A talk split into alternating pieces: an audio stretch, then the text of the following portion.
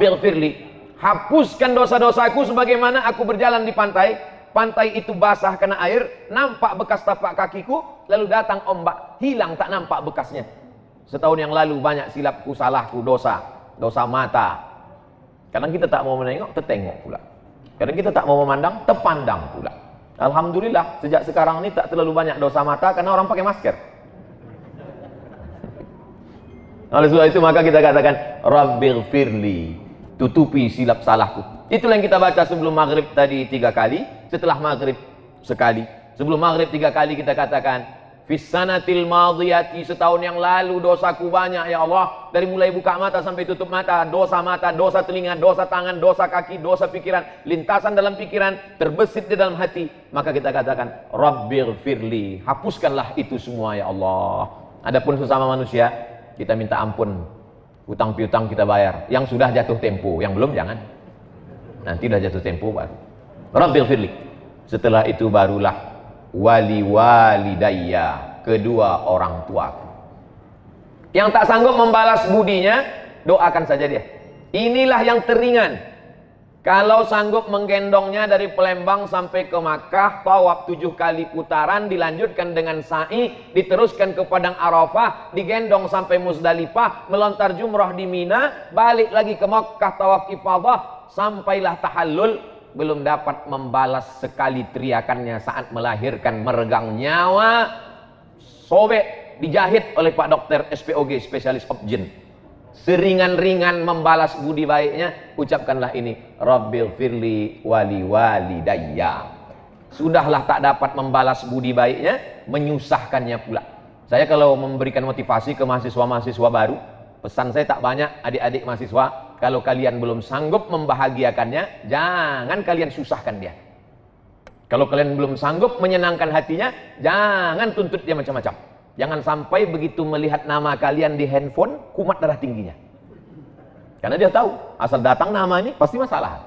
Bahkan nama, tak pula nama budak itu dibuat situ, sebutnya troublemaker, tukang buat masalah. Na'udzubillah. Selesai saya pengajian subuh, datanglah mak-mak, ibu-ibu sudah tua umur 70-an. Ustaz Somad, Ya bu, ada yang mau kuadukan sama Ustaz. Apa namanya bu? Aku ini kan memang tempat mengadu. Allahus Somad, Allah tempat mengadu. Apa namanya bu? Anak saya nyuruh saya jual tanah Pak Ustaz. Tanah dia atau tanah ibu? Tanah saya. Kenapa disuruhnya jual? Kata dia, mak udah tua, tak ada gunanya banyak-banyak tanah. Mak nanti kan mati dimakan cacing tanah. Oh, naik cacing saya. Emosi saya.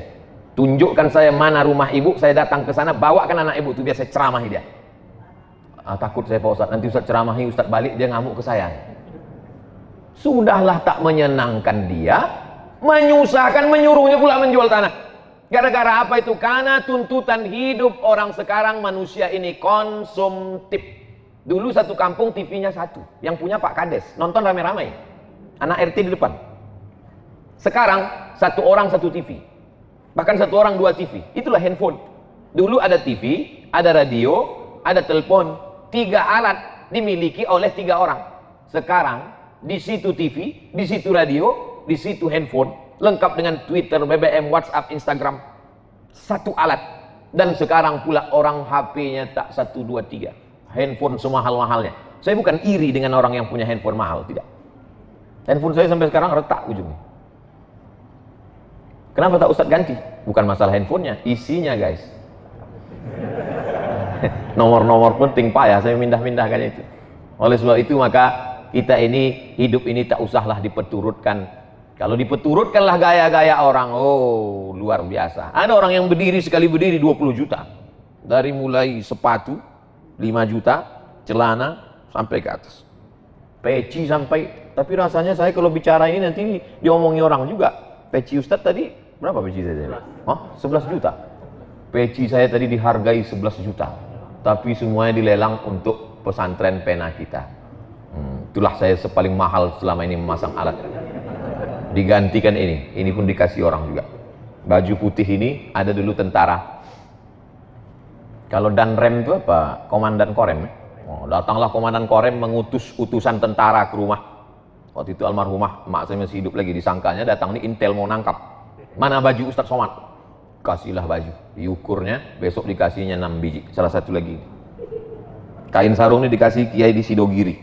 Sorban ini tadi. Jadi semua barang nih miliknya Kasio, dikasih orang semua. Apa ibu yang dimuliakan Allah SWT.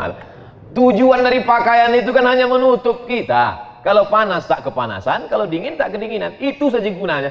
Tapi sekarang orang memperturutkan high style, gaya tinggi, yang penting gaya, walaupun utang keliling pinggang. Gara-gara apa itu? Konsumtif. Masyarakat ini sudah gila-gilaan. Hidupnya semuanya utang. Dari mulai rice cooker utang sampai panci utang. Satu-satunya yang lunas di rumah itu cuma bininya aja. Itu karena kata Pak Kua mesti tunai. Andai ada mazhab yang mengatakan utang, utang juga dia. Semua dijual. Tanah dijual. Berapa banyak orang tuan tanah akhirnya menjadi tukang jual tanah. Nauzubillah. Dulu ada ustadz alam, al, alumni dari Sudan. Kata dia jangan jual tanah karena Allah tidak pernah menambah tanah. Tanah itu tak pernah bertambah. Oleh sebab itu kalau kita jual, maka habislah dia. Bahkan di Palestina, menjual tanah berarti menjual akidah. Karena kalau sudah dijual kepada Israel, habislah sudah. Google Map sudah menghabiskan tanah Palestina. Semua dibuatnya dari Israel. Nauzubillah. Oleh sebab itu maka sependek-pendek bakti kita kepada orang tua, doa. Jangan sampai lupa. Rabbil firli wali wali dayya. Makanya tadi Ustadz Solhas bertahan supaya tausiahnya di sana. Saya bilang kita mesti pindah, harus mendekat ke ibu-ibu biar ibu itu nggak pindah. Sebetulnya tujuan saya membaca ini. Robbil firli wali wali daya. Jadi berdoanya pakai ring. Yang didoakan di pertama ring satu diri kita dulu. Setelah diri kita baru orang tua. Setelah orang tua waliman dakhala baitiya. Ampunkanlah orang yang masuk ke rumahku. Makanya kalau mau buat rumah, niatnya supaya orang masuk ke rumah. Sekarang orang buat rumah niatnya gimana supaya orang tak bertamu. Kata Haji Alim tadi, Ustaz Somad, ini dibatasi Habib Mahdi. Tak boleh banyak orang datang. Loh, nggak boleh banyak orang datang, ini kan banyak nih. Ini baru intern aja. Ini limited edition. Ini. Jadi kalau kita minta ampun kepada Allah itu aku dulu. Setelah itu kedua orang tuaku, semua orang yang masuk ke dalam rumahku ampunkan dia ya Allah waliman dakhala baitiya. Siapa saja pun yang datang ke rumahku ampunkan dia ya Allah. Baik dia pejabat maupun pengusaha maupun penguasa maupun rakyat jelata maupun pengemis. Waliman dakhala baitiya ampunkan dia. Tak ditengok warna kulitnya tak dilihat jabatannya tak dilihat dia datang pakai apa. Tak ada di situ dibuat. Ampunkanlah semua yang datang ke rumahku kalau pakai mobil mewah kalau pakai ojek jangan. Tidak. Syaratnya di situ apa? Ampunkan orang yang masuk ke dalam rumahku mukminan. Syaratnya dia mesti beriman kepada Allah. Jadi Pak Ustadz kalau tamunya tak beriman kepada Allah, gimana kita mau mintakan ampun dia kepada Allah? Dia aja tak percaya kepada Allah. Pak Ustadz, saya tamu Pak Ustadz nih. Iya. Mohonkanlah doa saya kepada Allah supaya diampuninya saya. Kau percaya tak sama Allah? Tak percaya. Ah, percayalah kau dulu sama Allah. Gimana caranya Pak Ustaz? Sebutkan aja passwordnya. Asyhadu an la ilaha illallah, asyhadu anna muhammadar rasulullah. Masalah khitan nanti kita adakan khitan masal. Pemotongan pertama oleh Al Mukarram Abdul Somad LCMA. Waliman dakhala baitiya mu'mina. Ampunkanlah semua orang yang masuk ke dalam rumahku dengan syarat dia percaya kepada Engkau ya Allah. Yang keempat, walil mu'minin dan kepada laki-laki yang beriman. Kenapa Pak Ustadz setiap disebutkan laki-laki sama perempuan laki-laki duluan? Kata ibu-ibu yang tak setuju. Karena mereka punya prinsip ladies first. Mestinya dibalik ini Pak Ustadz. Wal mukminat duluan. Laki-laki duluan itu bukan karena kehormatan. Tapi karena tanggung jawab. Laki-laki itu tanggung jawabnya luar biasa. Makanya sekarang banyak laki-laki yang tidak siap menjadi laki-laki. Itulah dia. Namanya lady boy wajahnya lady, kakinya boy. Tak siap dia jadi laki-laki. Maka kita didik dia. Ada kalanya perempuan dilebihkan Allah. Ummuka. Perempuan. Siapa lagi ya Rasulullah? Ummuka. Siapa lagi ya Rasulullah? Ummuka. Jadi tidak selamanya disebut laki-laki. Ketika menyebut laki-laki, itu tanggung jawab. Tapi ketika menyebut perempuan, kehormatan.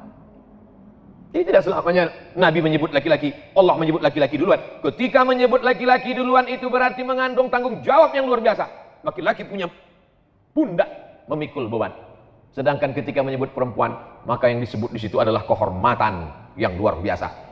yang pertama kali masuk ke dalam surga setelah Nabi Muhammad sallallahu alaihi wasallam, masuk Nabi ke dalam surga, Nabi menoleh ke belakang, dilihat Nabi perempuan. Siapa engkau? Kenapa kau lebih dulu? Kata perempuan itu, akulah perempuan yang membesarkan anak yatim. Man ala salasa banatin, siapa yang membesarkan tiga anak perempuan. Fa'addabahunna dididiknya dengan baik. Wa zawwajahunna dinikahkannya dengan orang baik-baik. Wa ahsana ilaihinna dia buat baik. Falahul jannah. Surga baginya. Kalau menyebut perempuan adalah keutamaan-keutamaan. Oleh sebab itu maka laki-laki didulukan karena tanggung jawab yang luar biasa. Ampunkan aku, sudah. Kedua orang tuaku, sudah. Orang-orang yang masuk ke dalam rumahku, sudah. Bagaimana dengan yang di luar yang tak masuk? Kena juga. Cuman dia ring empat, agak jauh sedikit. Walil mu'minin wal mu'minat laki-laki dan perempuan kalau disebut laki-laki itu sudah masuk perempuan tanpa menyebutkan perempuan contoh ya ayyuhalladzina amanu laki-laki kutiba alaikum laki-laki kalau perempuan kutiba alaikunna tapi kaedahnya kalau sudah disebut laki-laki perempuan pasti masuk kalau sudah disebut walil mu'minin perempuan pasti masuk kenapa ditambahkan lagi wal mu'minat penghususan kehormatan, penghormatan untuk perempuan. Mana amila salihan sesiapa saja yang membuat kebaikan. Min zakarin, laki-laki, au unsa. Kenapa disebutkan perempuan di situ? Karena kehormatan, kedudukan, amal soleh. Al mu'minun ba'duhum awliya'u ba'd. Jadi kalau orang berpatokan hanya pakai bahasa Arab, kalau sudah disebut laki-laki perempuan tak masuk, maka tak ada perempuan yang puasa nanti. Kau tak puasa? Enggak, ayatnya kan untuk laki-laki. Nah ini kaedahnya menurut para ulama, bukan kata Abdul Somad. Kalau sudah kita berniat baik, mengaku kepada Allah bahwa kau menciptakan aku, kau memberi rezeki aku, kau yang menghidupkan aku, kau mematikan aku, aku datang dengan bawa banyak dosa, ampunkan aku, ampunkan kedua orang tuaku, ampunkan orang yang masuk ke rumahku, yang tak masuk ke rumahku juga yang laki-laki perempuan kan ampunkan. Datang juga orang mengejek kita, zolim pada kita, aniaya kepada kita, maka kita jelaskan di ujung wala tazidil illa tabara orang yang zalim orang yang aniaya orang yang memusuhi hanya semakin jauh semakin tenggelam dalam azab semakin binasa tak masuk dalam doa kita Allah yang ngasih tahu tanpa kita doakan doanya titik hanya sampai mukminat saja jadi saya yakin dan percaya setiap orang yang datang kemari melihat kaligrafi di rumah Haji Alim, Masya Allah. Semua yang datang kemari macam menengok kucing. Hebat ini Pak Ustadz. Apa hebatnya? Entah apalah isinya ini Pak Ustadz. Ya, jangan ragu karena videonya sudah ada. Tinggal tonton saja. Tulis Ustadz Somad di rumah Haji Alim di Palembang malam tahun baru hijrah. Ustadz Abdul Somad Official Channel. Subscribe, like, and share. Saudara yang dimuliakan Allah Subhanahu wa taala. Tidak pernah terlintas di pikiran saya, tak pernah disetting, tak pernah diatur bahwa malam tahun baru mesti di Palembang mesti di rumah Haji Alim, mesti bersama para habaib. Tak pernah saya atur, tak pernah saya setting. Saya serahkan saja jadwal Sumatera Selatan Habib Mahdi. Karena dia yang paling mengerti. Saya tak berani saya sendiri datang. Takut saya, banyak jebakan-jebakan Batman. Maka sahibud dar a'lamu bidarihi. Ahlu Makkah a'lamu bidariha. Orang penduduk Makkah lebih tahu. Penduduk penghuni rumah lebih tahu tentang isi rumahnya maka saya serahkan ke Habib Mahdi di mana nanti kita malam tahun baru terserah. Setelah sampai baru saya tanya, di mana aja jadwal kita Sayyidi Al Habib? Kata Habib Mahdi nanti begini di sini sini. Pas nanti malam tahun baru, eh tahun baru kita? Iya, di mana? Di rumah Haji Alim. Di tempat yang baik, bersama orang baik-baik, menyambut tahun yang baik, berharap tahun depan kebaikan-kebaikan saja yang kita dapatkan.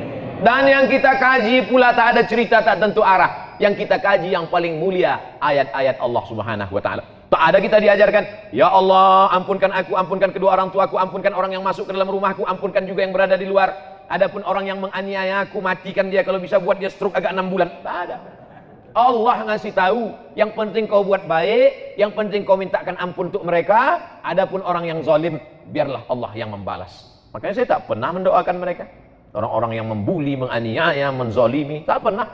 Kenapa datang sabar kita? Allah menjamin wala tazidil zalimin illa tabara. Orang-orang yang menganiaya menzalimimu, mereka hanya akan semakin hancur, semakin binasa, semakin rugi, semakin jauh. Karena kita tidak pernah mendoakan yang buruk-buruk. Ketika kita berdoa, maka malaikat mengaminkan. Apa kata malaikat? Amin. Kabulkan doa orang ini. Walaka misluh. Kau dapat yang sama seperti yang kau doakan. Ustaz Abdul Somad tausiah hanya sampai jam 7 saja. Karena jam 7.15 sudah masuk sholat isya, orang mau siap-siap wudhu. Saya tambah sampai jam 7.10. Selesai yang ini. Waktu mau masuk, tengok ini.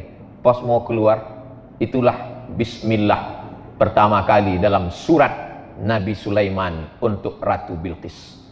Innahu min Sulaiman. Inilah surat dari Nabi Sulaiman. Jadi Nabi Sulaiman itu kirim surat, bukan kirim WhatsApp. Kirim surat. Surat yang pertama pakai bismillah, surat Nabi Sulaiman. Ceritanya waktu itu Nabi Sulaiman sedang inspeksi upacara. Tiba-tiba ada satu yang tak datang. Inilam aral huda-huda Aku tidak melihat ada burung hud-hud. Kau di Palembang burung apa nih Habib? Burung hud-hud. Aku tak melihat ada burung hud-hud. Mana burung hud-hud? Kata Nabi Sulaiman, kalau sampai burung hud-hud tidak datang juga, la azbahannahu, kusembelih leher burung hud-hud. Sudah ditunggu sekian menit, datang burung hud-hud. Burung hud-hud, kenapa kau terlambat? Mohon maaf Nabi Sulaiman, aku lambat karena ada satu misi. Apa yang kau lihat?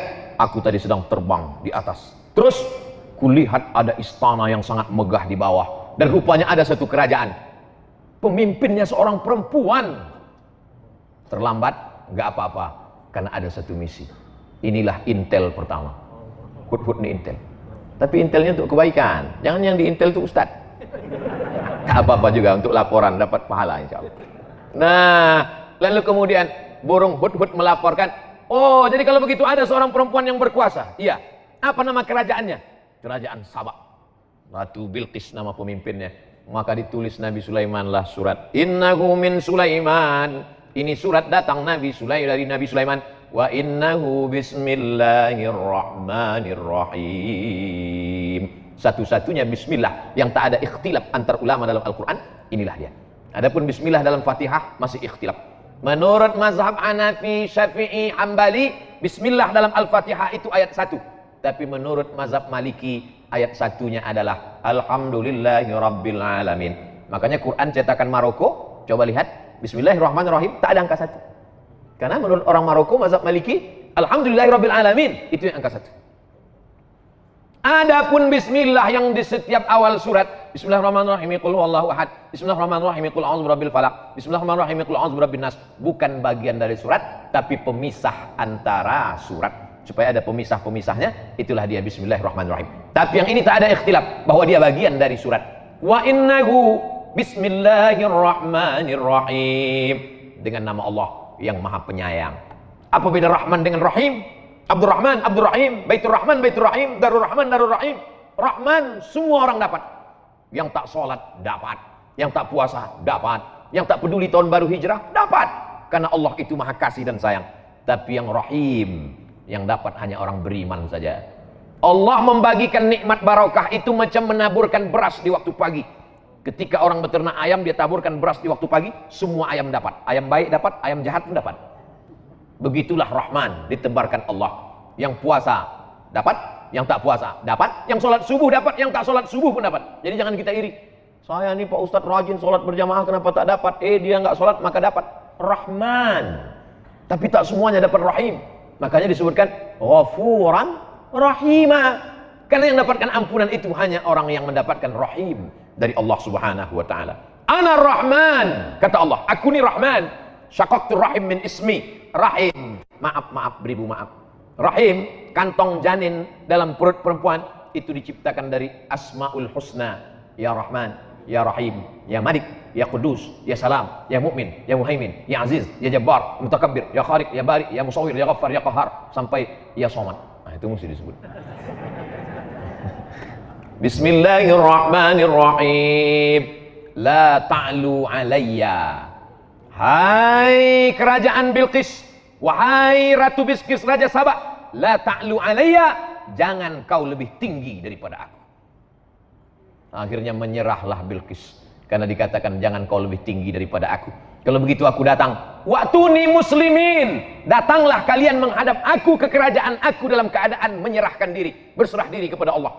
Maka lalu kemudian Bilqis pun datang menghadap Sulaiman. Tapi Sulaiman mau menunjukkan kehebatannya, kekuasaannya. Bukan suratnya saja yang hebat. Dikumpulkan Nabi Sulaiman lah bala tentaranya. Ini sekarang Bilqis sudah berada di tengah jalan. Sebentar lagi dia akan sampai ke Palestina dari Yaman. Ayyukum ya'tini bi arsyiha qabla an yatuni muslimin. Siapa yang sanggup membawa kursi Bilqis ke Palestina sebelum Bilqis sampai? Wa qala ifritum minal jin. Berkatalah jin Ifrit. Jadi ada salah satu tentara Nabi Sulaiman itu namanya jin Ifrit. Ana atika bihi qabla an taquma min maqamik. Hai Sulaiman, aku bisa membawa kursi Bilqis dari Sabak ke Palestina sebelum kau tegak dari tempat dudukmu. Sebelum kau tegak dari tempat dudukmu, kursi Bilqis sudah sampai kemari. Hmm. Kata Sulaiman, ada lagi yang bisa lebih cepat dari ini? Wa qala alladhi indahu ilmun minal kitab. Berkatalah seorang laki-laki yang punya ilmu namanya Asif bin Balkhiyah. Asif sampai ke Bandung jadi Asep Asif bin Balqis Ana atika bihi. Aku bisa memindahkan kursi Balqis dari Yaman ke Palestina. Berapa lama? Qabla an yartadda ilaika tarfuk. Sebelum matamu berkedip. Jin hanya sanggup sebelum Sulaiman tegak. Tapi orang soleh Asif bin Balkhiyah aku bisa memindahkan sebelum matamu berkedip. Prinsip Nabi Sulaiman lebih cepat lebih baik Akhirnya menanglah Asif bin Balqiyah 3000 tahun sebelum Nabi Isa alaihissalam. Manusia sudah lebih menang daripada jin. Eh, zaman sekarang masih ada orang yang minta kepada jin. Wani piro kata jin. La ta'lu alayya, hai Balqis, hai kerajaan Sabah, jangan sampai kalian lebih tinggi daripada aku. Maka siapa saja yang keluar dari sini, maupun pejabat, maupun orang kaya, maupun pengusaha, keluar dari pintu, apa kata Haji Alim? La ta'lu alayya. Jangan kau lebih hebat daripada aku. Jangan kau lebih tinggi daripada aku. Waktu ni muslimin. Datang kau sekali lagi kemari dalam keadaan menyerahkan diri. Maksudnya jangan kau lebih tinggi daripada aku. Kepeduliannya kepada fakir miskin. Kepedulian kepada masjid. Kepedulian kepada orang tua. Ustadz-ustadz yang disantuni Haji Alim meninggal istri dan anaknya tetap dikirimi sampai sekarang. Ustaz tahu dari mana? Tadi dia Ajalim cerita. Tapi tidak dipesankannya Ustaz sampaikan ayat ini nanti enggak. Saya aja mengait-ngaitkannya. Saya ini kan suka mengait-ngaitkan di kepala saya. Waktu nih muslimin. Maka dijawablah oleh Balqis. Apa kata Balqis? Kami bersama Sulaiman dan kami berserah diri kepada Allah. Itulah yang kita katakan dalam sholat kita tadi. Hanifan musliman kami condong kepada kebenaran dan kami berserah diri kepada Allah. Wa ma ana minal musyrikin. Aku tidak berserah kepada selain Allah. Tapi yang dimuliakan Allah Subhanahu wa taala, maka di tahun baru hijrah ini sudah kita awali dengan yang baik-baik. Di akhir tahun kita baca doa, berzikir, solawat, solat maghrib. Habis solat maghrib zikir lagi, baca doa awal tahun habis itu kemudian pengajian, nanti sholat isya, habis itu jangan dinodai dengan yang kotor-kotor. Pakai baju putih, datang kemari sebelum ke sini, mandi bersih, pakai baju putih. Andai tertumpah satu tetes kopi, tak mungkin saya berani datang kemari. Malu menghadapi manusia. Bagaimana menghadap Allah dengan yang kotor-kotor. Oleh sebab itu maka, kalau pakai baju putih nampak cepat kotornya. Orang yang sudah berserah diri kepada Allah jangan lagi dikotori dengan maksiat dan dosa. Makanya dari satu solat ke satu solat mensucikan. Al Jum'atu ila Jum'ah satu pekan tujuh hari mensucikan. Ramadan ila Ramadan satu tahun mensucikan. Al Umratu ila Al Umrati satu umrah ke umrah berikutnya kafaratul lima bainahuma mensucikan membersihkan kita dari segala silap salah dan dosa. Andai umur kita besok pagi sempat mencicipi siang satu Muharram, Alhamdulillah. Andai tak sampai, gimana lagi? Tak mungkin bisa kita tambah. Umur ini kan bukan isi ulang. Kalau sudah sampai masanya la yastakhiruna sa'atan wa la yastaqdimun. Berapa banyak sahabat-sahabat kita, tapi kita dikasih Allah ini. Kenapa dikasih Allah kita ini sampai 1442 ini? 1441 sudah berlalu. 1442, apa planning-planning kita ke depan? Maka program-programnya mestilah program yang menolong agama Allah. Berapa masjid yang kita bangun, berapa masjid yang kita makmurkan, berapa anak yatim duafa kita sekolahkan, berapa pondok pesantren yang kita support. Adapun masalah rezeki urusan Allah. Bagaimana kita memasang kail pancingnya urusan kita. Pasang saja, ambil bambu, pasang kail panjang, kasih umpan, letakkan ke dalam. Ikan apa yang datang, itu urusan Allah. Dipasang 10 kail, 10-10-nya hilang sama cacing-cacingnya sekalian. Husnuzon, boleh jadi Allah mau kasih kita ikan masak. Boleh jadi Allah mau kasih kita ikan gulai. Jangan suuzon kepada Allah. Ana isnda husni zanni abdi bi. Kata orang Melayu, rezeki musang tak akan dimakan harimau. Kalau rezeki musang itu dimakan harimau, sudah lama musang itu punah. Tinggal musang berbulu ayam aja lagi. Tapi Allah jamin rezeki. Wa ma min dabbatin. Ini perlu diyakinkan lagi, dikuatkan lagi. Tu'izzu man tasha wa tudhillu man tasha. Biadikal khair. Engkau yang punya kuasa. La haula wa la quwata illa billah. Ini zaman Covid ini banyak orang cemas.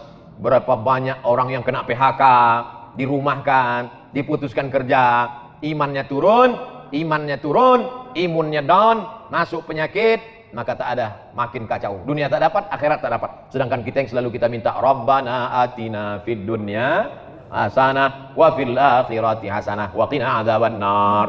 Maka dengan berjumpa dengan para habaib, dengan para ulama, dengan orang-orang baik ini, bangkit semangat kita, sehat, tetap dengan ikut protokol kesehatan. Mudah-mudahan keberkahan selalu menyertai kita insyaallah.